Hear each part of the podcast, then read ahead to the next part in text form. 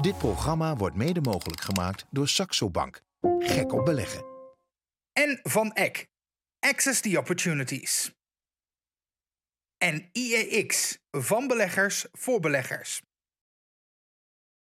Fijn dat je kijkt naar eh, Bulls en Bears. Het komend half uur praten we weer bij over de beurs en wat het voor jou kan betekenen als belegger. Deze week veel kijkersvragen en ASML, Oer-Hollandse trots. Veel enthousiasme erover. Is dat terecht? Ik vraag dat en meer aan de experts nu in Bulls en Bears.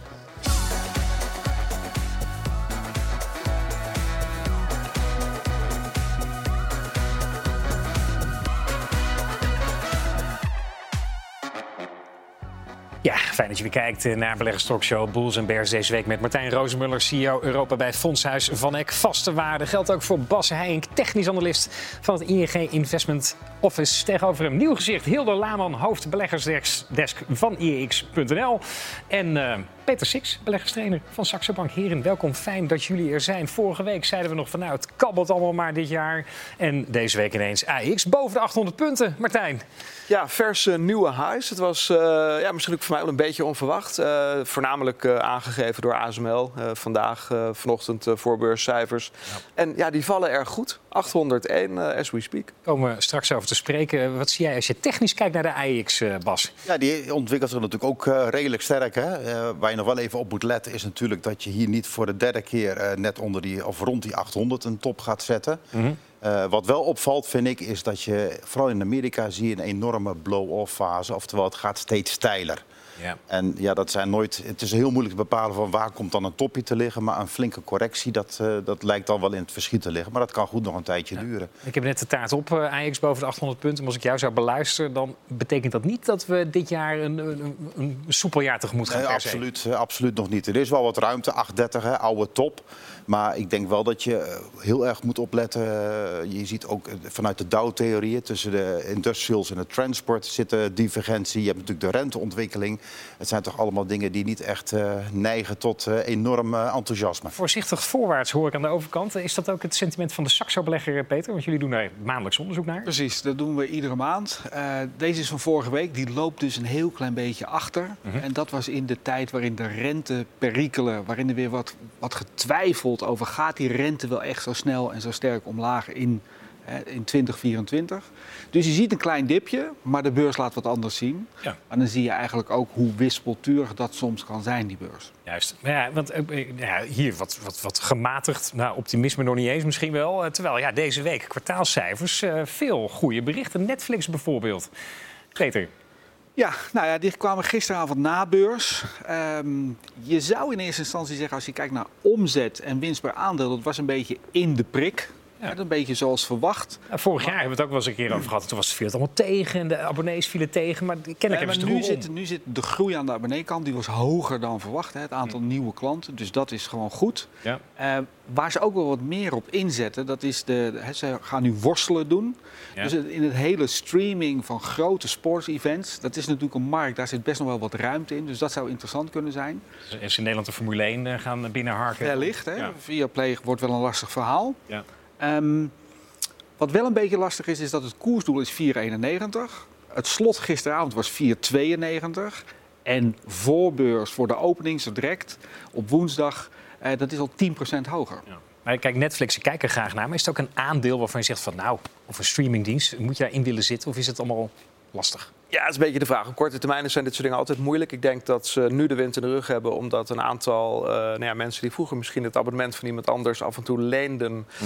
uh, ja, nu toch echt zelf een abonnement moeten nemen. Dus dat zal een beetje groei geven. Dat is een korte termijn. Dat is korte termijn. Ik denk lange termijn ja, hebben dit soort bedrijven echt bestaansrecht. Hè? Dus voor de lange termijn belegger die niet bang is voor het korte termijn beweging, ja. ja kun je het best kopen. Goed, je hebt verschillende smaken natuurlijk heel ook in streamingsdiensten. Ik bedoel, mensen kunnen ook snel overstappen. Dus wat vind jij? Is dit nou een aandeel wat een stabiel hoeksteentje kan zijn in een portefeuille? Of is het speculatief? Op zich, nee, het is zeker niet speculatief. Ze hebben gewoon een hele sterke marktpositie. En, uh, uh, en ook uh, zit er nog best wel wat potentie met advertenties. Dat zij, daar zijn ze mee begonnen met het aanbieden van een abonnementvorm. Waarbij je als kijker ook advertenties krijgt. En dat levert natuurlijk ook omzet op voor, voor Netflix. Dus wat dat betreft eh, zijn ze denk ik wel, op, voor de lange termijn eh, goed bezig. De moeite waard om naar te kijken, zowel qua series als qua aandeel, zullen we maar zeggen. Ehm, ook de moeite waard om naar te kijken. ASML, Nederlands trots, eh, kwam deze week met cijfers. Eh, 2023 was, als ik het goed heb, een recordjaar, een, een high. Maar dat is niet zoals het begon. Kijk mee. Zo groot als ze nu zijn, zo klein waren ze 40 jaar geleden. ASML komt voort uit Philips en begon met het laatste model chipmachine met het formaat van een koelkast, de PAS 2000. Jarenlang was het aanmodderen, maar net zo vaak maakten ze dat ene stapje voorwaarts. For ASM Lithography is proud to introduce its new family of eye-line and deep UV steppers. Wat waren echt de cashcow-machines voor ASML?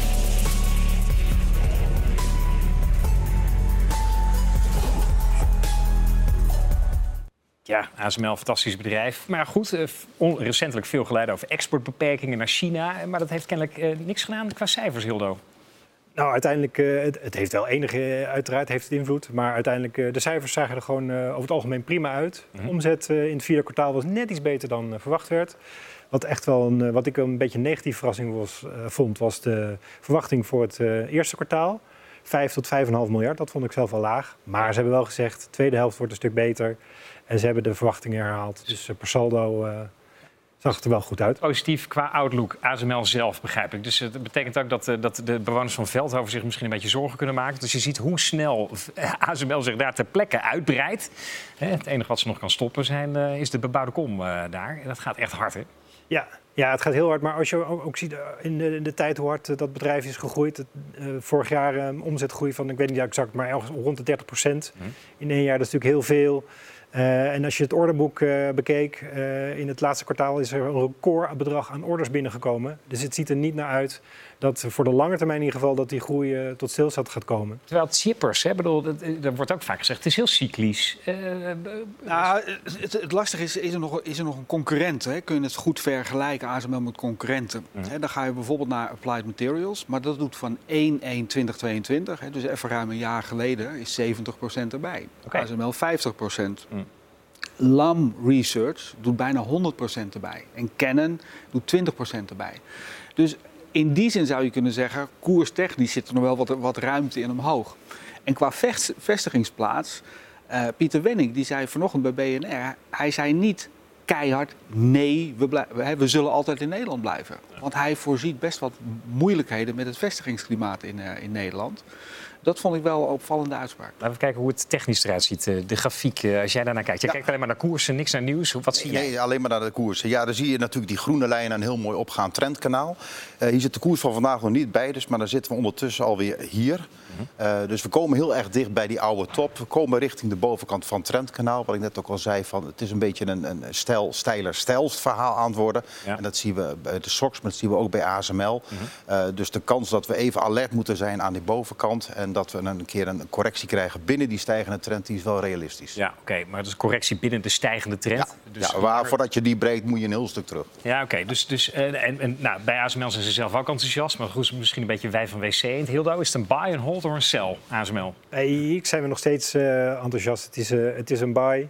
En ehm, kijk, het is vooral als je naar de lange termijn kijkt. En beleggen, eh, hopelijk doet, doen de meeste mensen voor de lange termijn. Dan ziet het er gewoon heel goed uit. Snap jij dat het een buy is, eh, Peter? Ja, zeker. Dat is het natuurlijk al heel, heel lang. Ik weet nog dat in 2000 op de vloer deed ASML 15 euro. Hm. Nou, had maar gezegd, ik sla er een paar in. Ja. Tegelijkertijd denk ik ook dat je wel even moet letten wat Bas zegt. Buy on weakness. Dat is wellicht wel slim om mee te nemen. De vraag is of je nu mee moet gaan in, in de hype die er eigenlijk vandaag... Ja. Of hype, vandaag is gewoon een hele sterke dag. Ja. Dus wacht even op wat, dat het iets terugveert en dan kun je het opnemen. Ja, nou, over hype gesproken. Ja. Magnificent 7 2023 is natuurlijk al veel over geschreven. Dit jaar lijken ze de kar maar door te trekken. Eh, volgens mij komt bijvoorbeeld ook Apple met cijfers. Nou, ik eh, weet dat jij daar fan van bent, ik wel. Eh, maar ja, is die hype dan terecht ook als je naar bijvoorbeeld Apple kijkt? Nou ja, kijk, bij Apple is denk ik, uh, als de cijfers volgende week komen, ga ik vooral kijken naar wat er verder wordt gezegd. Uh, eigenlijk alles behalve de cijfers. Die cijfers zijn natuurlijk interessant, maar goed, hè, dat, dat zit voor een deel in de koers. En als er echt een verrassing komt, nou goed, hè, dan zien we wat er gebeurt. Wat ik bij Apple interessant vind, is te kijken wat ze nou ja, verder gaan doen. Er is veel gedoe geweest over de Apple Watch. Hè, iets, iets met patenten en, een bedrijf wat, wat uh, ook een medisch horloge maakt. Ja. De Apple Car kwam weer ergens uit, uit, uit, uit de hooghoed tevoorschijn. Dat is natuurlijk ook al jarenlang een, een belofte. Ja, maar dat, wat je hoort, vaak hoort over Apple. Hè. Veel in iPhone natuurlijk fantastisch gedaan. Maar is dat innovatieve vermogen er nog wel? Kunnen ze die lijn doortrekken? Of gaat het een keer temperen? Dat is de, alle, al, dat is de allerbelangrijkste vraag. En het geldt eigenlijk natuurlijk voor al die uh, Magnificent Seven. Ze hebben allemaal op enig moment iets, iets baanbrekends gedaan. Hè, waar ze eigenlijk al jarenlang op teren en heel hard op groeien. Ja. de grote vraag is, uh, kan dat tot in lengte van jaren doorgaan? Ik, op basis van de nieuwsberichten zou ik denken, nou, voorlopig zitten we nog snor. Tegelijkertijd schrijf jij op boelsandbears.tv over het concentratierisico. Hè. Die Magnificent Seven, hard gegroeid, uh, vormen dan een flink deel van je portefeuille. Jij vindt dat riskant. Leg uit. Absoluut. Nou, kijk, het, het grappige is dat uh, toen ik ooit met passief beleggen begon, hè, ETF's, index volgen, hè, toen werd er vaak gezegd ja, maar dat is gevaarlijk, want dan gaat iedereen in dezelfde aandelen. Nou ja, weet je, los of je nou het in een ETF doet of in losse aandelen, je ziet soms dat mensen inderdaad allemaal in dezelfde aandelen gaan. Um, een van de redenen hè, waarom wij uh, in een aantal producten een equal weight index kiezen, waarbij je dus niet die uh, concentratie krijgt van hè, uh, market cap weight en dan heel groot in, in een paar aandelen. MSCI World op dit moment de top 10 ergens in de buurt van de 15 à 20 procent. Nou ja, als die Magnificent Seven het goed doen, dan wil je daar toch juist in zitten. Dan is dat equal weight, dat snijd je dan de vingers. Absoluut. Hè? Dus op, op zeg maar, de kortere termijn, terugkijkend, was het fantastisch. De grote vraag is, en daarom ben ik wel benieuwd... Hè, wat, wat gaan dit soort bedrijven bekendmaken voor de komende jaren? Kunnen ze die trend voortzetten? Nou, mijn aanname is dat dat best lastig gaat worden. En dat het helemaal geen gek idee is, zeker niet als je deze rit al meegemaakt hebt... om misschien toch wat meer te gaan spreiden nu. Nou ja, of, de, of gewoon de weging meer in lijn te brengen.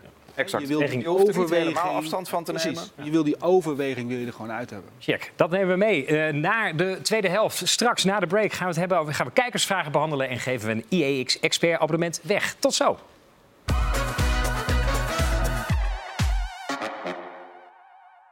Dit programma wordt mede mogelijk gemaakt door Saxo Bank. Gek op beleggen. En van Eck. Access the opportunities en IEX van beleggers voor beleggers. Dit programma wordt mede mogelijk gemaakt door Saxo Bank. Gek op beleggen. En van Eck. Access the opportunities. En IEX van beleggers voor beleggers.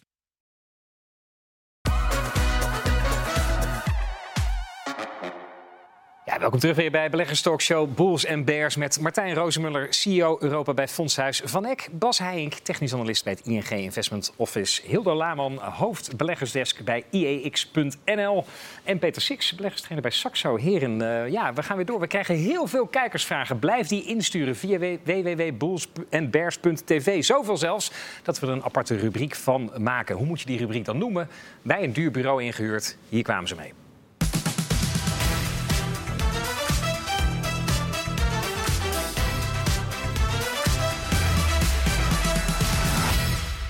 Briljant, zeg ik. Helemaal top. Uh, we gaan beginnen. Kijk eens, die is van Zaken Meijer. Die, dat gaat over Ebusco, uh, fabrikant, Nederlands bedrijf ook. Zegt, het heeft heel veel verloren.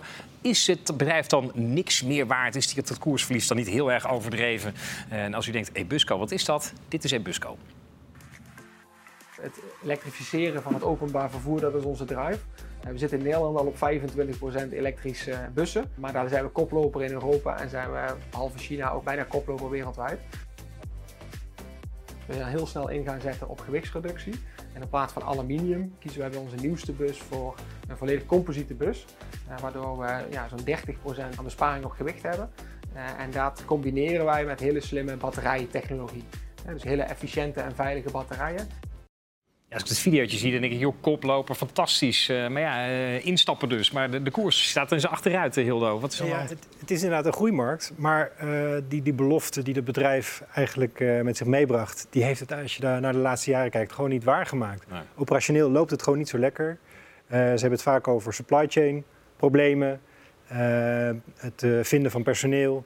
En dus, dus ze hebben gewoon niet waar kunnen maken wat ze, wat ze beloofd Zeg maar een hebben. kleine partij. Ook wel, want vorige week hadden we het over BYD. Die maken ook bussen als een Chinese gigant. Dus ik kan me ook voorstellen dat dit ook, wat dat betreft, als belegger, ja, niet, niet, niet een no-brainer ik, is. ik zie het een beetje als het is bijna een jongensboekverhaal. Ja. En ik hoop dat hij het redt.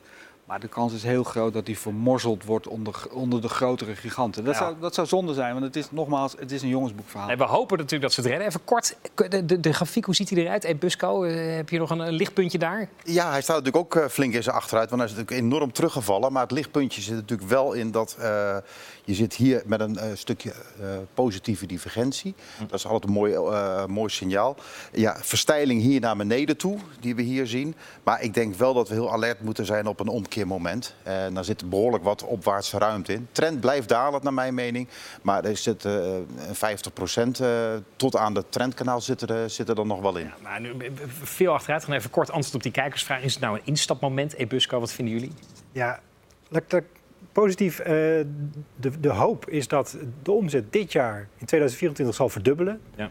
Maar de vraag is, na eh, de gebroken belofte van eerder, gaat dat lukken? Wij vinden het nog te speculatief, dus wij vinden het nog geen koop op dit moment. Moeilijk verhaal. Ook een moeilijk verhaal is eh, de volgende kijkersvraag. Gaat over een eh, fonds wat ik niet kende, MDX Health. Laurens van Vuren zit erin. Die zegt, joh, daar is recent een reversed stock split doorgevoerd. Als ik dat soort dingen hoor, dan denk ik, joh, eh, terugnemen op de boer Jack in the Box stift. Het is abracadabra. Ja, precies. Peter, een reversed stock split. Wat is het en is het een goed teken? Bij een gewone stoksplit is het aandeel te duur en dan maak je hem goedkoper. Ja. En dit is eigenlijk andersom.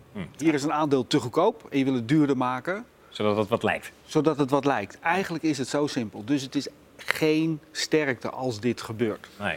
Daarbij kan het ook nog gebeuren dat je in je portefeuille kijkt en je ziet opeens een hele dikke plus staan. En dat je gaat verkopen omdat je gemist hebt dat er sprake was van een reverse stock split. En sommige beleggers willen ook niet in, in kleine bedragen aandeeltjes. Dus die probeer je binnen te halen met een reverse Ik stock denk dan boekhoudkundig gegoochel, maar tegelijkertijd misschien dat, omdat het er nu dus wat groter is, zou het misschien voor institutionele beleggers weer wat kunnen zijn. En kan Ja. Laurens er misschien nog plezier aan beleven. Misschien, en het kan opgenomen worden, blijven ook op bepaalde beurzen. Want bepaalde beurzen zeggen gewoon er moet minimale waarde zijn. Juist, nou goed. eh Laurens, ik hoop dat dat een antwoord is op jouw vraag. Via Twitter eh, kwam het volgende bericht van Uber Bear. Geen optimist eh, gezien de Twitter-handle, maar over uranium en nuclear ETF is hij kennelijk wel heel blij. Want hij zegt, joh, moeten we het hier niet een keer over hebben? Boelsenbears.tv. Nou ja, kolf je nou je hand, want het is een ETF van jullie. Ik leg de bal bij deze op de stip. Eh, trap hem maar in. Eh, oogst het succesverhaal, Martijn. Ja, nou, leuk om te zien dat er ook op Twitter aandacht is voor onze producten. En dat er natuurlijk heel actief vragen worden ingestuurd. Ehm, ja, dit is inderdaad wel een mooi voorbeeld van een succesverhaal. Maar ik eh, plaats het graag een beetje in perspectief. Ehm, kernenergie is natuurlijk eh, ja, de afgelopen 20, 30 jaar behoorlijk veel besproken. En met name in het begin zat het een beetje in het verdomhoekje. Want hè, is dat nou allemaal wel veilig en is dat wel duurzaam? Nou, eigenlijk zie je nu dat heel veel eh, landen met name zich daar toch nog eens over beraad hebben. En besloten hebben van nou, dat is misschien best wel duurzaam. Hè. Het is een manier om de transitie naar Is dat sentiment, verklaart dat deze opgaande trend? ja, voor, voor een deel zeker. Voor een deel zeker. Maar als we dan zo'n mooi grafiekje zien, dan zeg ik altijd van dit is echt wel een lange termijn trend. Dus je moet je niet laten gek maken of laten verleiden door deze korte termijn trend. Want die moet je eigenlijk een beetje naast je neerleggen. Eh, om zeg maar, dat een beetje eh, in een ander perspectief te zetten. Een andere lange termijn trend die wij denken te zien, heeft te maken met waterstof. Ook eigenlijk net als kernenergie onderdeel van de energietransitie. Ja. Nou, waterstof is denken we op lange termijn ook nog steeds een hele mooie belofte. Maar de afgelopen twee, drie jaar is het eh, grafiekje, zoals je hier ziet, eh, ja, minder mooi. Nou, is eh, de grafiek van kernenergie nou een reden om nu in te stappen? Of deze grafiek een reden om dat niet te doen? Nee, in beide gevallen moet je denk ik echt 10, 15 jaar vooruit kunnen, willen en durven kijken als belegger. En dan bepalen van vind ik dit een thema wat op die termijn eh hout snijdt. Juist, dus niet eh, impulsief acteren op dat vlak. Eh, ik, ik weet niet of dat jij ver vooruit kan kijken, Bas. Maar eh, kan jij die uranium-ETF, kan je hem plotten? Wat zie je Ja, dan? ik heb hem, ik heb hem meegenomen. Ehm, ja, en het is een hele mooie opgaande trend. Eh, wat je wel zag is dat hij natuurlijk recent hier aan de bovenkant eh testte. Ja, dan zie je vaak dat hij even wat gaat corrigeren. Daar is hij nu mee bezig. Dus wat mij betreft, ja, er is nog wel wat ruimte richting de 24,5, 25. Maar het is wat mij betreft wel een verhaal van koop op zwakte.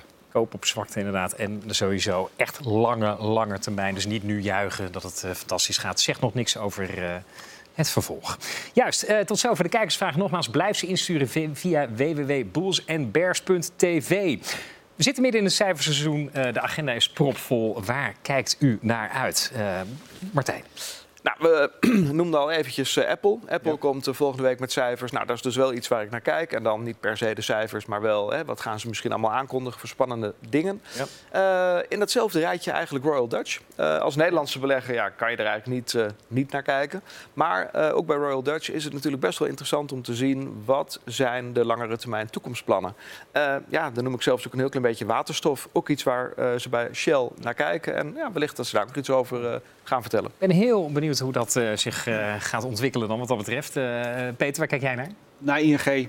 Het is een top 3 aandeel voor de Nederlandse belegger. Ja. Er zitten dus in heel veel portefeuilles. El een bank, dat schijnt toch ook altijd een beetje dubbel te zijn, toch? Ik bedoel, moeilijke categorie. Moeilijke categorie, maar je ziet gewoon dat met die oplopende rente is hun rentemarge ligt boven de anderhalf procent. hè. Mhm. Het verschil tussen in- en uitlenen en een belangrijk deel van hun verdienmodel. Ja. Er wordt een betere winst verwacht, een hoger dividend. En het dividend gaat waarschijnlijk naar de 1,06 euro. Nou, met een koers van 12,5, 13 ga je naar een dividendrendement van een procent of 8. Nou, dat is natuurlijk gewoon best interessant. Ja, ja, precies. Voor nu eh, check. Kijken of dat, dat inderdaad ook daadwerkelijk uit die boeken tevoorschijn komt. Hildo, waar kijk jij naar volgende week? Waar Ja, naar uit? een, een soort voormalig Nederlands trots zou ik haast zeggen. eh, Philips. Ja. Eh, we kennen natuurlijk allemaal de problemen met die eh, beademingsapparaten en de rechtszaken die in, eh, in de vers lopen. Die mogelijk een, een flink prijskaartje kunnen gaan opleveren. Voor niet slechter, zou je zeggen. Nee, ehm, maar tegelijkertijd, eh, als je gewoon kijkt naar het bedrijf zelf, dan, dan de, de groei valt al een tijdje een beetje, eigenlijk een beetje tegen. Een beetje magere groei. De omzetmarge, of de, de marges zijn niet altijd best. Dus daar ben ik wel heel benieuwd of ze daar eh, kunnen laten zien dat ze daar wat verbetering in eh, kunnen aanbrengen. Hard nodig eh, wil daar weer muziek in komen, denk ik. Dus dat gaan we in de gaten houden. Wat we ook in de gaten houden, en wat, ik, wat wij vragen u in de gaten te houden, is de AEX. We geven elke week een IEX expert abonnement weg. En dan krijg je elke week dit blad in je postbus en de analyses van meer dan 150 beursgenoteerde ondernemingen, onder andere door Hildo, in je mailbox. Moet je de AEX voorspellen? We vroegen je de slotstand van de AEX van afgelopen dinsdag te voorspellen. Die slotstand was 787,77 punten. En Ingrid Linders zat daar het dichtst bij met 787,40 punten. Dus Ingrid, van harte gefeliciteerd. Eh, deze prijs komt naar je toe. Zes maanden lang IEX Expert abonnement. Volgende week zijn wij er niet, helaas. Dus voor het volgende IEX Expert abonnement moet je de slotstand voorspellen van de AEX van dinsdag 6 februari. Stuur die uiterlijk zondag 4 februari in. Dat via www.boelsandbears.tv of via voorspelling.boelsandbears.tv. En dan win jij misschien die prijs. Ik dank eh, Martijn Rozenmuller, CEO Europa bij Fondshuis van Eck. Bas Heink van het ING Investment Office. Hildo Laman van IEX.nl. En Peter Six, eh, beleggerstrainer bij Saxo Bank. Jij bedankt voor het kijken. Graag tot volgende week.